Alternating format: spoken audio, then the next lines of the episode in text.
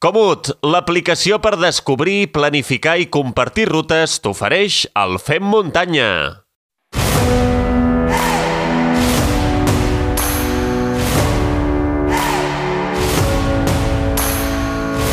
Saludem a l'actual campiona de la Copa Catalana de Curses per Muntanya de la FEC i campiona de la Copa Catalana de Curses Verticals també de la FEC i que en la darrera olla de Núria ha guanyat la Reolla amb els colors de l'equip Merrell. Georgina Cavarró, benvinguda a Fer Muntanya. Hola, bon dia, gràcies. Eh, un plaer xerrar amb tu perquè portes un 2022 que els que entrem, per exemple, a ultrascatalunya.com eh, gairebé cada dos per tres veiem el teu nom publicat, que has guanyat curses amb raquetes de neu, has guanyat ara la Reoia, estàs fent resultats realment bons, portes eh, un darrer any espectacular i jo crec que hi ha molts oients que també veuen el teu nom i tenim ganes de, de xerrar amb tu, de conèixer-te i de saber qui és eh, Josina Gavarró. Ho anirem descobrint en els propers minuts, però primer de tot deixa'm donar-te l'enhorabona per la teva victòria de la Reolla de Núria, segona posició en la cursa vertical i cinquena en l'Olla Sí. de Núria. Recordem que la Reolla, per qui no sàpiga, és la suma dels temps de les dues curses. Uh, com eh, vas gestionar els esforços tant eh, de dissabte com de diumenge? Uh, bueno, primer de tot, moltes gràcies. Uh, per mi, uh, guanyar la Riolla era, era un objectiu que portava de cap. Uh, sabia que no era fàcil, perquè al final coordinar la competició de dos dies seguits uh, i fer-ho bé els dos dies és complicat, perquè evidentment uh, les molèsties físiques apareixen, el cansament es nota, estem parlant de curses on vas amb molta altitud i no, no visc en una situació d'altitud, per tant, per mi eh, l'ascens al Puigmal dos vegades, o sigui, dos dies seguits, és molt exigent físicament i em noto molt l'efecte de l'altitud. Per tant, estic contentíssima amb el que he aconseguit perquè sé que hi havia rivals fortes i, i bueno, per mi és una fita important. Mm, I, I com recuperes eh, de l'esforç de dissabte per arribar en les millors condicions de, per diumenge? Bueno, aquí ve el, el gran kit de la qüestió. Una és uh, entrenar-ho prèviament i estar acostumada a, a, al tipus, a aquest tipus d'esforç, no? a treballar amb desnivells un dia i l'endemà saber aguantar una jornada més llarga i més ràpida, evidentment a base d'entrenament i a més a més treballant amb, el, amb els sistemes de recuperació, evidentment no em puc endur el fisio a, a l'olla de Núria, però tinc jo les meves maneres de, de recuperar-me, de descarregar-me les cames, eh, pistola percutora, còmpex, eh, cremes, eh, estiraments, una miqueta de caminada a la tarda i, i poc més, i resar que les cames estiguin bé per l'endemà. I una bona alimentació, suposo, eh? Sí, i menjar, menjar, menjar bé. Jo sóc de molt menjar, m'agrada m'agrada menjar i, evidentment, I... sí que s'ha d'anar en compte amb, amb coses que no et puguin sentar malament, però, però sí que és important menjar quantitat de pasta, d'arròs, perquè tinguis gasolina. I de totes formes, eh, tot i aquestes, eh, aquesta metodologia que tens eh, per recuperar, diumenge vas pagar una mica l'esforç de dissabte o diumenge et va, surt, eh, o sigui, et va sortir la, la cursa que tenies al cap? Em va sortir la cursa que tenia, però ja tenia previst que, que les sensacions no serien el mateix d'anar-hi fresca. Només començar, ja, bueno, de fet només llevar-me, posar els peus a terra, vaig dir, uf, uh, això serà complicat. Sí, ho veus a venir. L'any passat vaig fer el mateix, també vaig fer... L'any passat no hi havia puntuació de reolla, però igualment vaig fer les dues i, i la sensació aquesta va ser exactament la mateixa un altre cop de llevar-te i dir uf, mare de Déu, què m'espera. Però aquest any has baixat inclús 7 minuts el temps de, de l'any passat. Eh, o sigui, tu creus que cada any Sí. vas fent aquestes petites passes, vas millorant eh, la teva forma d'entrenar, la teva forma física va millorant? Perquè, clar, baixar 7 minuts en un any, eh, tant, o sigui, a l'hora de fer la, la, el quilòmetre vertical com l'Olla de Núria, déu-n'hi-do, eh? Sí, realment mm, tenia previst baixar una miqueta, evidentment l'any passat vaig sortir també amb els últims calaixos, hi havia els calaixos Covid i tal, anàvem sortint per glaons i em va tocar darrere de tot i sé que vaig perdre molt de temps, vaig perdre, conto que uns dos o tres minuts de cursa l'any passat van ser perduts per la, perquè no vaig poder sortir davant. Però i llavors comptava, dic, bueno, l'any passat vaig fer 3 hores 0250, més o menys, dic, bueno, sobre les 3 hores serà un bon temps i en tinc més que suficient, però no, no, no creia que seria capaç de baixar de 2,58 realment. Doncs eh, mira, 2.55, uh, un gran temps.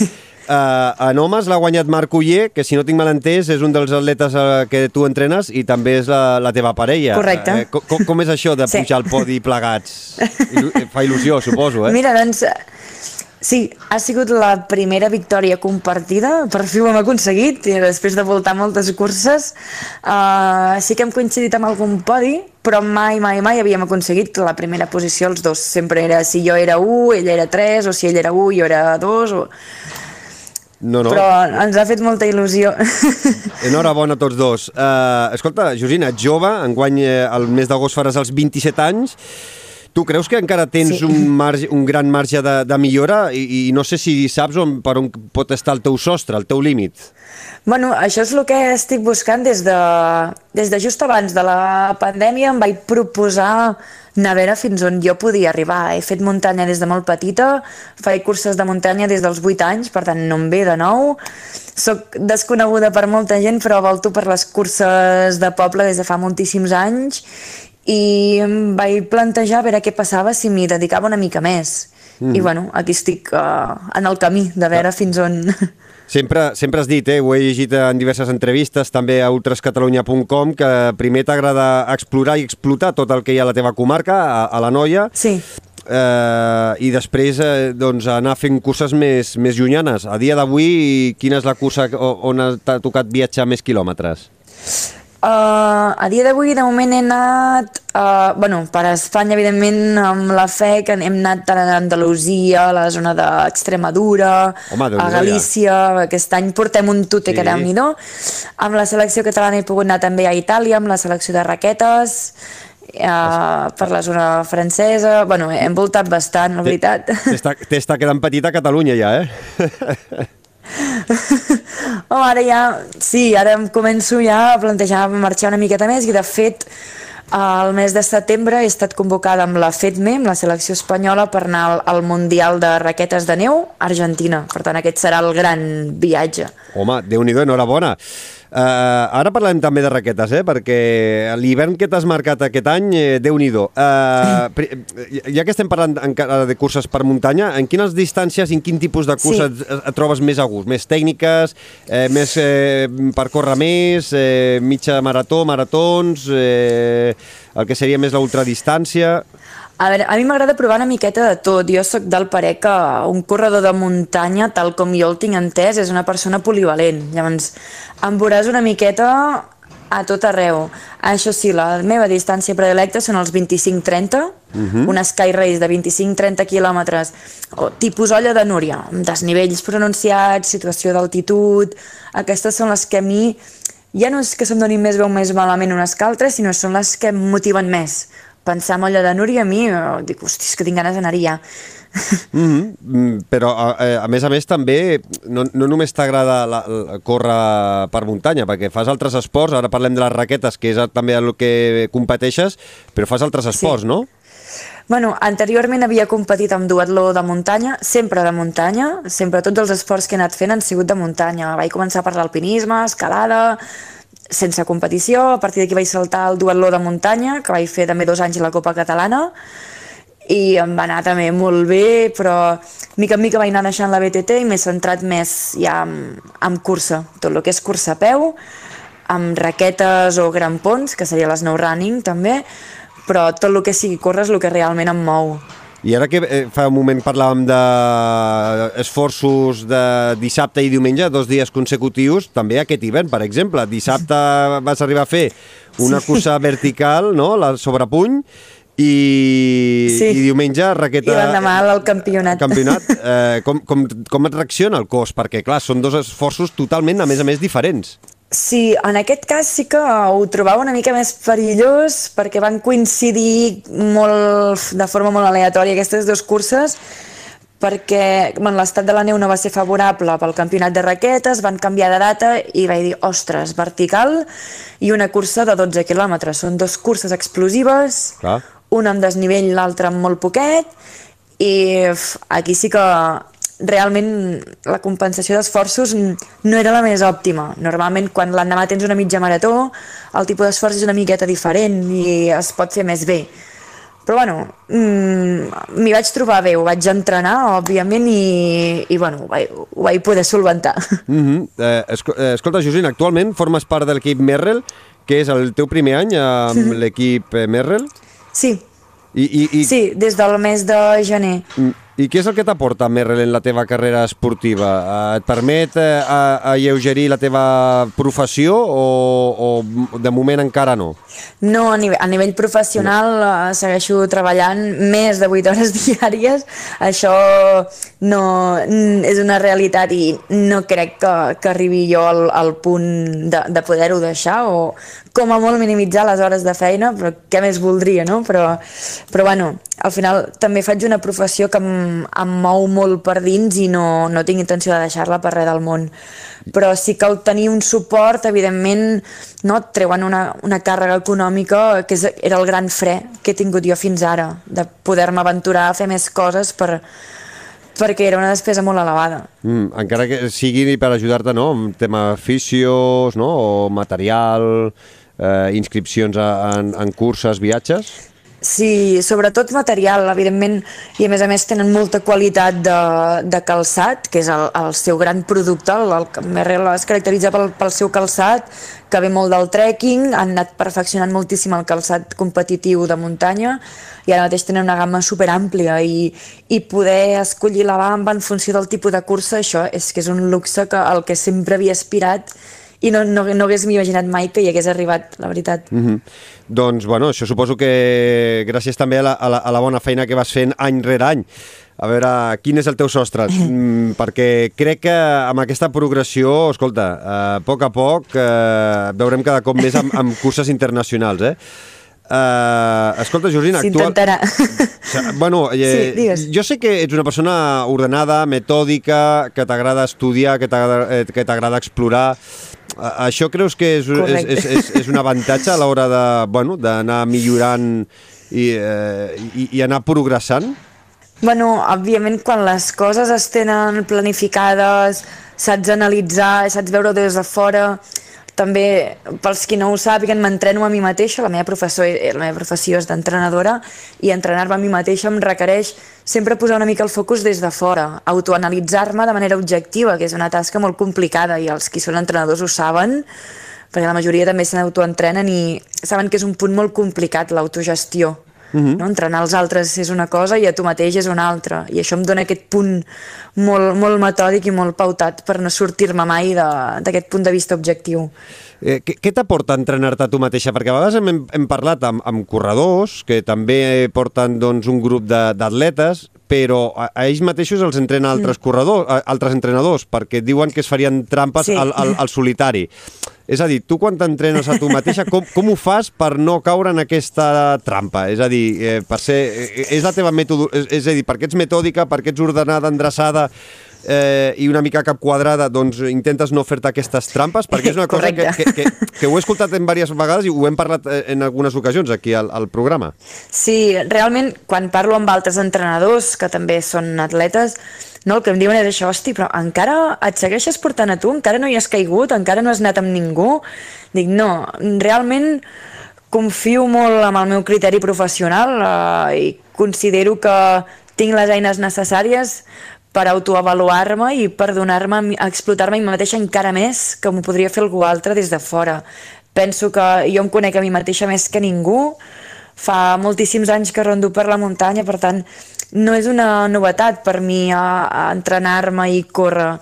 Fa molts anys que ho vaig fent, vaig començar molt com a part experimental, no? posar a prova el que estava estudiant a la universitat, provar entrenos, provar a veure què passa si faig això, a veure què passa si faig allò, i una mica amb aquest neguit eh, he acabat jo esdevenint atleta sense, entre cometes, voler-ho.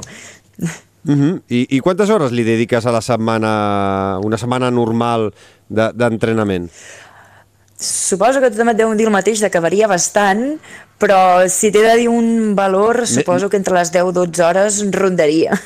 I, I com distribueixes el, el, el, el, la teva base de- d'entrenament? La, més, més la força, més la qualitat, més les tirades llargues... Sí, en el meu cas tinc, s'entreno molt en petites dosis perquè eh, treballo donant classes dirigides, portant grups de trail running, actualment soc coordinadora d'una escola esportiva a Igualada, uh -huh.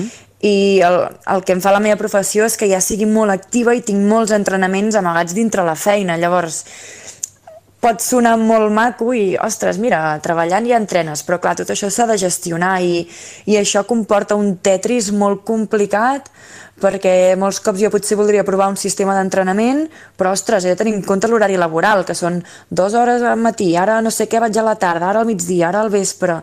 Eh, he d'anar entrenant molt a base de mitja hora, mitja hora, mitja hora o tres quarts d'hora. Entre setmana no puc jo fer un entrenament de més d'una hora, per exemple. Mm. I, i, i, i, I de moment et funciona aquesta forma. Després al cap de setmana tens més hores eh, seguides per poder entrenar. Exacte, sí, deixo pels caps de setmana a les jornades més llargues, més d'alta muntanya, que també són, són les que em donen a mi més sensació de cap de setmana, més d'alliberament, són com el premi. Per mi el cap de setmana realment no és un entrenament, o sigui, un entrenament de 3, 4, 5 hores per mi és un regal, i és que en faria més, però, però sé que no les he de fer. Llavors, clar, aquí eh, el eh, que parlàvem abans, no? si tu tinguessis una estabilitat, eh, diguéssim, econòmica, no? i et poguessis permetre el luxe de poder dedicar-te 24 hores a entrenar, diguéssim, entrenar, descansar i dedicar-te només a tu, eh, tu creus que millorar, encara tens aquest marge de millora? És a dir, sabent que entrenant d'aquesta forma estàs arribant i cada any vas progressant, tu creus que si, si poguessis dedicar-te 24 hores a ser atleta eh, d'èlit, diguéssim, i quan dic d'èlit em refereixo doncs, dedicar-te 24 hores professionalment a això, tu creus que podries encara millorar més, millor i més ràpid? No sé com portaria la, la gestió mental, la veritat. Eh, soc una persona que necessita eh, molta activitat, sobretot molta activitat mental, ja no només física, eh? Evidentment faig una feina que és molt física, però jo tinc la sensació que rendeixo millor quan el meu cap està ocupat, està mm, donant de sí, s'està exprimint, no? Per mi un, una feina fàcil tampoc no és per mi, necessito feines que em requereixin pensar, moure'm i molta activitat. Sí que és veritat que aquest any he, he tingut una miqueta de davallada de rendiment en algun moment per massa estrès eh, laboral i sí que òbviament, si pogués reduir-ho i treballar més flexiblement i més... Eh, suposo que sí, però bé, el cos mai se sap, eh? A vegades, mm. a vegades no, no treballar no, no és l'única no és l'única qüestió, a vegades és només afluixar una miqueta el ritme, potser, i seria suficient. Mm -hmm.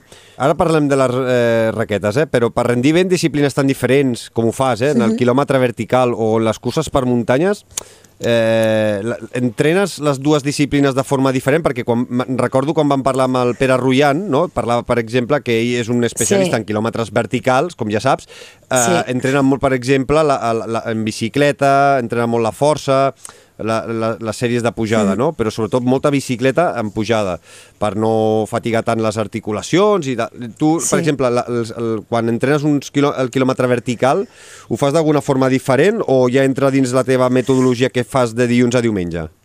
Jo, si he de dir la veritat, no he entrenat mai per un quilòmetre vertical. O sigui, la meva preparació, per exemple, aquest any tinc dues maratons al calendari, la que ja vaig fer del Campionat d'Espanya i d'aquí tres setmanes a la Epic Trail. Mm -hmm. Els meus entrenaments van tots enfocats a, a preparar aquestes dues maratons, que per mi són les distàncies objectius de l'any. No? Llavors, entre mig gestiono la, la dosi de càrregues de la setmana per poder arribar a un vertical una mica més fresca, però mai he encarat un vertical amb un entrenament específic. Sí que és una cosa que em, em desperta un interès, però mm, les maratons em, em poden i la distància més llargueta eh, em tira molt i, i no vull deixar-ho de preparar. Mm -hmm. Eh, eh, ara parlàvem, eh? a l'hivern destaques, eh? Amb, amb un, has destacat aquest any amb uns grans resultats en carreres de raquetes per neu. Eh, on creus que ets més competitiva actualment? Amb, la, amb sabatilles o amb raquetes de neu als peus?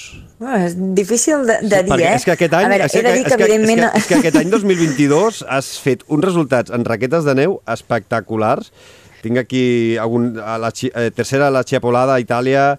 Sí, les, les pròpiament de raquetes van ser el campionat català, el d'Espanya de, el i l'europeu. Que per mi va ser l'europeu, no, fer un, un tercer, una tercera posició allà, per mi va ser molt important i realment no, no pensava que pogués estar en un nivell, en un nivell tan alt, que sí que evidentment s'ha de reconèixer que en el, en el trail running, el que són la, les curses amb bambes pròpiament, eh, és on hi ha més nivell de corredors i, i entenc que evidentment no és comparable una cosa amb l'altra perquè eh, ser bona amb una cosa no vol dir ser bona amb l'altra o sí que no ho entreno gaire diferent, sí que a l'hivern quan, ha, quan hi tenim les condicions aquí de neu, que tenim pocs mesos, aprofito i intento fer tot el que pugui amb raqueta perquè sí que a nivell, sobretot de, trenc inferior, canvia una miqueta la trepitjada, canvia una miqueta les, els punts de sobrecàrrega i t'hi has d'adaptar, però després a nivell d'entrenament segueixo més o menys el mateix sistema que durant tot l'any.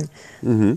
I, I a nivell de premis i repercussió mediàtica hi ha molta diferència entre les diferents disciplines? O, o dit d'una altra forma, no? On creus que et sents millor valorada? Eh, a, a, a, a, és a dir, una, una, una bona posició en campionat de raquetes de neu o un campionat de la Copa Catalana de quilòmetre vertical, per exemple?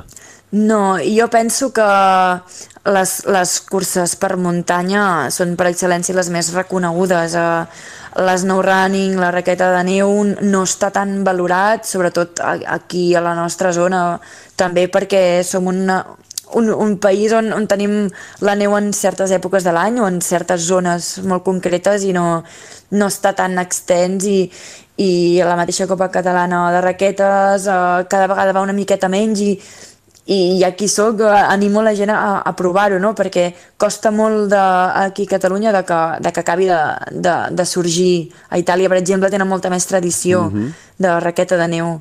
Uh -huh. uh, Georgina, eh, hem dit que ets graduada en Ciències de l'Activitat Física i de l'Esport a la Universitat de Vic uh -huh. i, i, entre altres coses, hem dit que ets entrenadora personal. Uh, uh, portes actualment sí. l'entrenament de, de molts atletes o no? Bueno, a, pa, a part del Marc, eh? A, poquet a, poquet. A, a, a part del Marc. sí, sí. El, el de casa que va ser, el, va ser de fet el primer, allò li vaig dir, va, comencem a provar a veure què tal se'm dona això. El, el teu conollet d'Índies, I... eh? No li va, no li sí. va gens malament. Eh? Segon en el, no, el campionat de català eh, a la, a la Berga Trail. Sí. sí, sí, a la Ultra en Silla, sí. en segona posició, eh?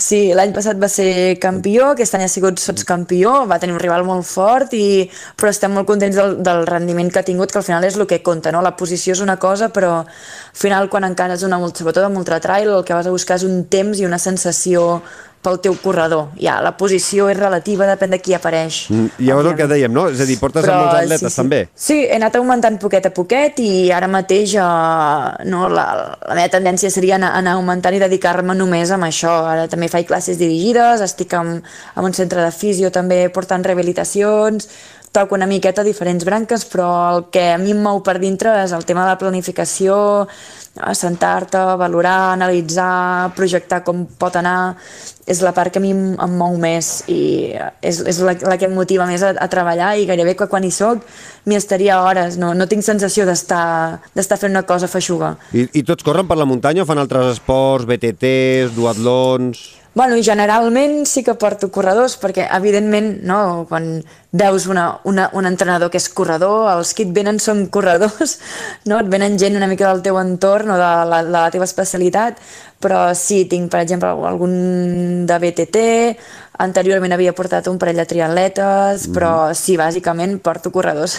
I, i la teva experiència com a, com a corredora t'ajuda a entendre els problemes i sensacions de, dels teus atletes? I, i no sé si t'ajuda això a, a guiar-los d'una manera molt més efectiva. Sí, a veure, jo penso que s'han de destriar una mica les dues coses. Vull dir, ser entrenador no vol dir haver de ser el millor atleta és un plus afegit tenir coneixement, uh, per exemple, jo estic molt al cas de totes les curses que hi han, puc recomanar que, per quines curses començar, per quines no, perquè n'he anat fent moltes i, i tinc molt recorregut en aquest sentit, però òbviament has de saber separar les coses i clar, has de, has de parlar amb gent que molts dels que porto són a nivell amateur o són d'iniciació i no pots uh, comparar o has de saber valorar els seus temps de cursa o els seus temps d'entrenament i no, no, no caure mai en l'error de comparar-t'ho amb els teus propis, perquè estem parlant de situacions diferents, no és el mateix un que s'entrena només perquè té ganes de fer 50 minuts de cursa contínua i aguantar-ho bé,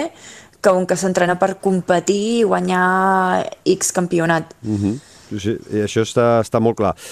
Eh, I ja que t'agrada investigar, que t'agrada provar, eh, com, com, com tu fas no? per, per provar aquestes noves metodologies d'entrenament? De, de, ho proves amb tu mateixa primer, ho proves amb el Marc, eh, vas provant petites coses i vas... Eh, perquè, clar, eh, eh, ara posem, eh, fa un temps, els corredors de muntanya, eh, trepitjar una pista d'atletisme era gairebé impensable i en els darrers anys... Sí, eh, cada, bueno, aquí ha vingut la gran influència de l'atletisme. Clar, i, sí, sí. i llavors cada vegada, cada vegada més... tenim més corredors que venen d'allà. I llavors, clar, cada vegada més eh, els corredors, o sigui, els que venen de l'atletisme, que ja trepitjaven la pista de l'atletisme, han afegit la muntanya com a, no? com a mètode d'entrenament i, sí. i ara resulta que els que sempre han corregut per muntanya han de trepitjar la pista d'atletisme per ser més ràpids perquè es donen compte no? de que aguanten moltes hores per la muntanya però potser són menys ràpids. Llavors, la, la, la, la metodologia va canviant a poc a poc, cada vegada hi ha més, més, més eh, entrenadors que van posant sèries en pla sí. als, als corredors i van canviant aquestes metodologies. No? Tu creus que mm, canviarà sí. molt amb els anys que és eh, tu que t'agrada investigar, que t'agrada llegir, que t'agrada provar, creus que d'aquí 10 anys hi haurà noves formes d'entrenar? De, eh, inclús, ara també penso, eh, sobretot si fas ultradistància, cada vegada més hi ha més bicicleta de carretera i més BTT eh, inclosa en l'entrenament, fer, fer un entrenament creuat, cosa que abans fa 15 anys Uh, si volies córrer UTMB eh, havies de córrer i entrenar totes les hores per muntanya i ara això ara és impensable. Sí, òbviament els temps canvien i, i no, tot evoluciona, la tecnologia evoluciona, les bambes amb les que correm ara no són les bambes amb les que es corrien abans, ni les motxilles, ni els bastons, ni els materials. Portem ara només pensant en material ja estem traient molta sobrecàrrega sobre del corredor, sobretot si pensem a molta distància, que és on es nota més. Uh, ara mateix uh, és que els, evidentment els temps de cursa han millorat i cada any s'estan superant i cada any es baten rècords de tot. Una, perquè la tecnologia avança, els nostres materials milloren, els sistemes d'entrenament es van cada vegada adaptant més. La cursa de muntanya és un esport relativament nou i els entrenadors encara estem uh, no, buscant les millors maneres i els millors mètodes perquè el, corredor, el nostre corredor acabi sent el més ràpid, el, me, el més fort, no? el, que, el que resisteix més. Però, evidentment, la influència de l'atletisme està fent-nos adonar, jo crec que, sobretot els que venien més de la muntanya, eh, com és el meu cas, de, ostres, eh, et ve un atleta com per exemple és la coneguda Sara Alonso mm -hmm. o, mhm. o d'altres eh, corredores molt conegudes que venen de córrer en pista, es posen a córrer per muntanya i tenen el mateix nivell que tu, que has entrenat sempre en muntanya. La guanyadora, de, Cega, la, la, guanyadora, final... la guanyadora de Cegama, per exemple, la Ninke Brinkman. Correcte, sí, la Ninke era uh, jugadora de hockey herba, si no recordo malament, sí. que ho van uh, explicar, i per exemple l'altre dia l'olla de Núria, la segona uh, era jugadora de futbol fins fa molt poc, i de fet en el panorama català també si pares de fixar d'on venen les corredores poques tenen un recorregut com el meu que és purament de muntanya no? i jo mateixa puc dir, ostres, tota la vida corrent per muntanya sembla que hagi d'ara a reprendre a córrer al final el que es movia per muntanya, amb molta tendència de l'alpinisme, teníem només eh, pensament de desnivell, desnivell, desnivell, hores en muntanya, però amb certa lentitud, i, i al final el que estem fent és córrer, no? I el córrer d'on ve? El córrer ve una miqueta no? de, de les curses eh, d'atletisme, llavors és fer aquest híbrid entre una cosa i l'altra i, i seguir entrenant per estar a la muntanya i les habilitats que requereix la muntanya, però evidentment el córrer en si, el patró de la marxa, és que ve, ve de córrer el pla, evidentment. Uh mhm. -huh. I això també els hi... Perquè em sembla que si no estic equivocat, eh, no vaig equivocat, també portes un grup de nens i nenes, no? Eh, eh, sí. Eh, això també ho intentes inculcar sí. als més petits?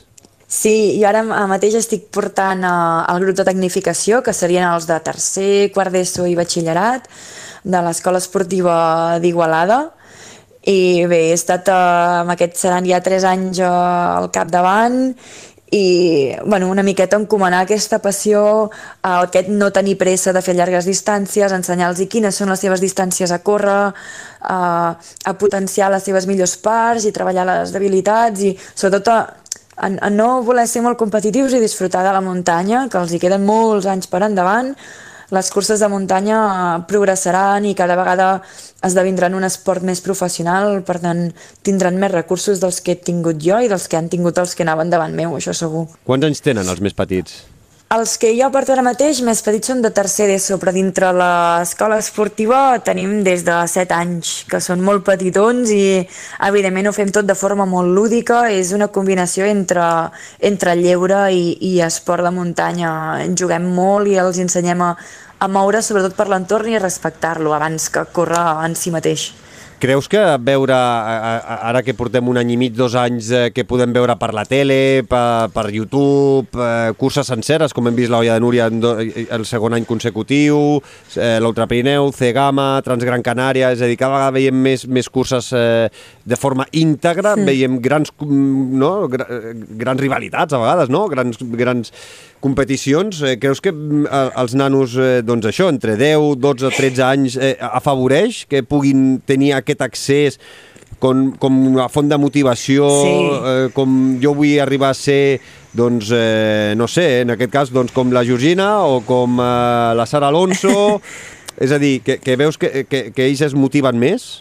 Sí, sí, això evidentment, clar, has de pensar quan jo era més petita, no? Posa-li 10 anys enrere, quan en tenia 16, 17, eh, Ostres, jo, jo clar, la, la meva referent tenia Núria Piques, hi havia l'Emma Roca, mm. però l'accés que jo tenia a el que elles feien era molt limitat i si tires encara més enrere ja ni en parlem, no? Jo d'extraescolars jo no he pogut mai fer el que realment m'ha agradat. He passat per atletisme, he passat per futbol, per bàsquet, però mai m'ha agradat el que estava fent d'extraescolar perquè a mi m'agradava sortir a córrer amb la meva mare i això no ho podia fer amb, amb companys. Ells ara tenen la sort de tenir extraescolars vinculats amb això, que els seus pares poden veure per la tele què és això de córrer per muntanya, ho poden entendre més i poden seguir de manera molt fàcil els seus ídols i, i això evidentment els hi apropa molt eh, evidentment canvia molt el concepte. Llavors, ara em ve al cap, eh? eh igual que cada vegada hi han ciclistes més joves que exploten abans, eh, per exemple, eh, Tadej Pogacar, eh, Carlos Rodríguez, Juan Ayuso, etc que amb 20, 21, sí. l'Evenpuel, és a dir, cada vegada hi ha nen, eh, joves que entre 19 i 22 anys eh, doncs ja t'han guanyat un Tour de França. Tu creus que el fet de tenir aquesta, aquest accés a les curses eh, per muntanya eh, per la tele i, i per internet, tu creus que el, aquests nanos de 10, 12, 14 anys ja siguin d'Igualada o ja siguin d'altres parts de sí, Catalunya, sí.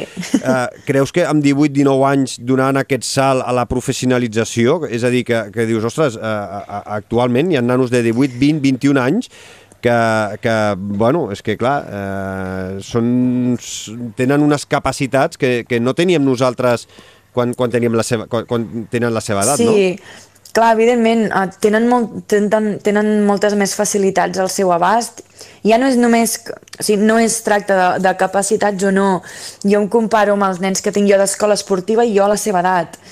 Mm, jo no, no tenia cap mena de mitjà per anar ni a curses, ni a entrenar fora de la comarca, ni anava a córrer jo sola, mm, si és que em deixaven els meus pares i no t'escapis gaire que no et passi res. I ara hi ha tanta cultura que aquests nanos al cap de setmana surten a entrenar, queden entre ells, se van en bici, se van a córrer, mm, si un dia és festiu i no fem activitat a l'escola esportiva, ells queden i el fan. Clar, ara mateix la cultura que hi ha d'entrenament per muntanya és diferent. Jo quan sortia a córrer, jo no pensava que estaven anant a entrenar. Jo sortia a córrer perquè m'agradava anar a donar el vol pels boscos, però per mi no era un entrenament. Mm -hmm. No he considerat entrenament fins que no he tingut 20 anys gairebé. Mm -hmm. Clar, aquests nens amb 15 ja pensen en entrenar. Per tant, estan ja considerant uh, que estan anant a buscar un esport de rendiment. Jo en aquell moment, no, 10 anys enrere, buscava una part lúdica és un concepte molt diferent. Uh mhm. -huh. Eh, Georgina, vaig acabant, eh? eh escolta, eh, és una de les preguntes que moltes vegades faig a les eh, corredores a la qual li dediqueu hores i entreneu fort i d'alt rendiment. A tu t'ha perjudicat en algun moment eh, entrenar dur, córrer ràpid, doncs, dins el teu cicle menstrual? És a dir, co i com ho gestiones uh, uh, el, el cicle menstrual amb les teves setmanes d'entrenament, si ho fas d'alguna forma especial. Sí, jo en, en el meu cas tinc la sort de, de tenir un, un cicle molt suau, per dir-ho així, no, no em comporta gran estrès ni, gran, uh, ni grans canvis, o sigui, molts cops em passa molt desapercebut i no, no ho arribo a, a, a percebre gaire, o, em passa de manera molt subtil, però evidentment sempre hi ha el dia que de cop i volta no saps per què, eh, per exemple, el Campionat d'Espanya de vertical de les Urdes, just aquell dia vaig tenir les regles més fortes que he tingut en tot l'any i mira, et cau aquell dia i dius, bueno, doncs he d'assumir que, que no estic del tot bé i faré el que pugui, cap problema. I, i aniré conformant amb, amb el que em surti.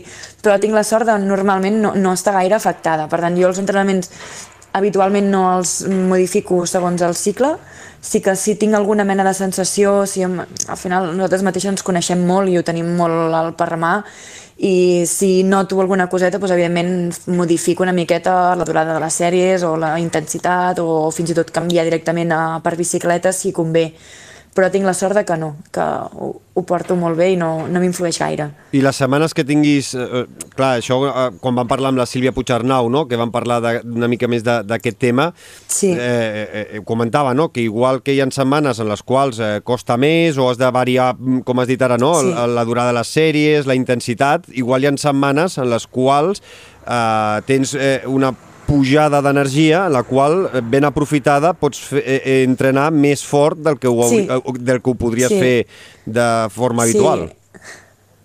Gairebé que em miro més aquesta part que no pas l'altra. O sigui, el que sí que em miro molt del calendari són les setmanes on, les on la dona està més potenciada, no? que és aquestes, aquesta setmana o setmana i mitja després d'haver passat a la part de la menstruació, és evident que allà tenim una pujada d'estrògens, la dona està més forta i és capaç d'assimilar més càrrega d'entrenament em miro més això que no pas la part mm -hmm. no, més de baixar i tal, perquè sí que en aquesta part m'ho noto més i sí que és veritat que quan m'han caigut competicions en aquest període, casualment em van un pèl millor, no sempre, eh? però així com a norma general, si hagués de dir, aquí sí que em trobo que, que rendeixo més, però evidentment s'ha d'anar mirant una miqueta tot i també un cicle rere l'altre canvia una miqueta la situació i si és hivern o estiu també. Mm -hmm. I vinga, va, acabo. Uh, projectes i calendari dels propers mesos. Uh, on et veurem? Uh, què tens ganes de fer? Per què estàs entrenant? Bueno, ara mateix el proper objectiu gran és la, com he dit abans, tenia dos maratons aquest any, la segona serà la Epic Trail de, de Barruera, uh -huh. que és de la Copa del Món de Skyrunning, i allà l'objectiu serà estar a veure si puc estar entre les 10 millors per poder accedir a la, a la final no, del mes d'octubre, que serà a Gorbella, i en allà per accedir-hi has, has de puntuar dintre les 10 primeres en les curses anteriors. Doncs, bueno, aquest serà l'objectiu, a veure si, si pot ser-hi, però evidentment serà una cursa de molt nivell. A, a distància marató no és encara la meva predilecta, però, però m'agrada, i la zona de Barruera m'agrada molt. Doncs eh, tant de bo que, que puguis complir aquest eh, objectiu, que quedis entre les 10 primeres, que per això estàs entrenant i donaràs guerra, Georgina. I ens sentirem de eh, parlar de tu perquè, bueno, portem un 2022 i un final de 2021 que també ja sortia cada dos per tres el teu nom eh, a webs com ultrascatalunya.com o, o a Runedia amb l'Albert Jorquera Uh, i, i, i de fet jo crec que el teu nom s'anirà repetint uh, en els propers mesos moltes, moltíssimes gràcies per xerrar una estona amb nosaltres, eh, per obrir-te, per, per xerrar a tranquil·lament i, i això, que tinguis molta sort i per qualsevol cosa estem en contacte. Cuida't, una abraçada, merci. Moltes gràcies a vosaltres. Vinga, que vagi bé. Comut, l'aplicació per descobrir, planificar i compartir rutes t'ha ofert el Fem Muntanya.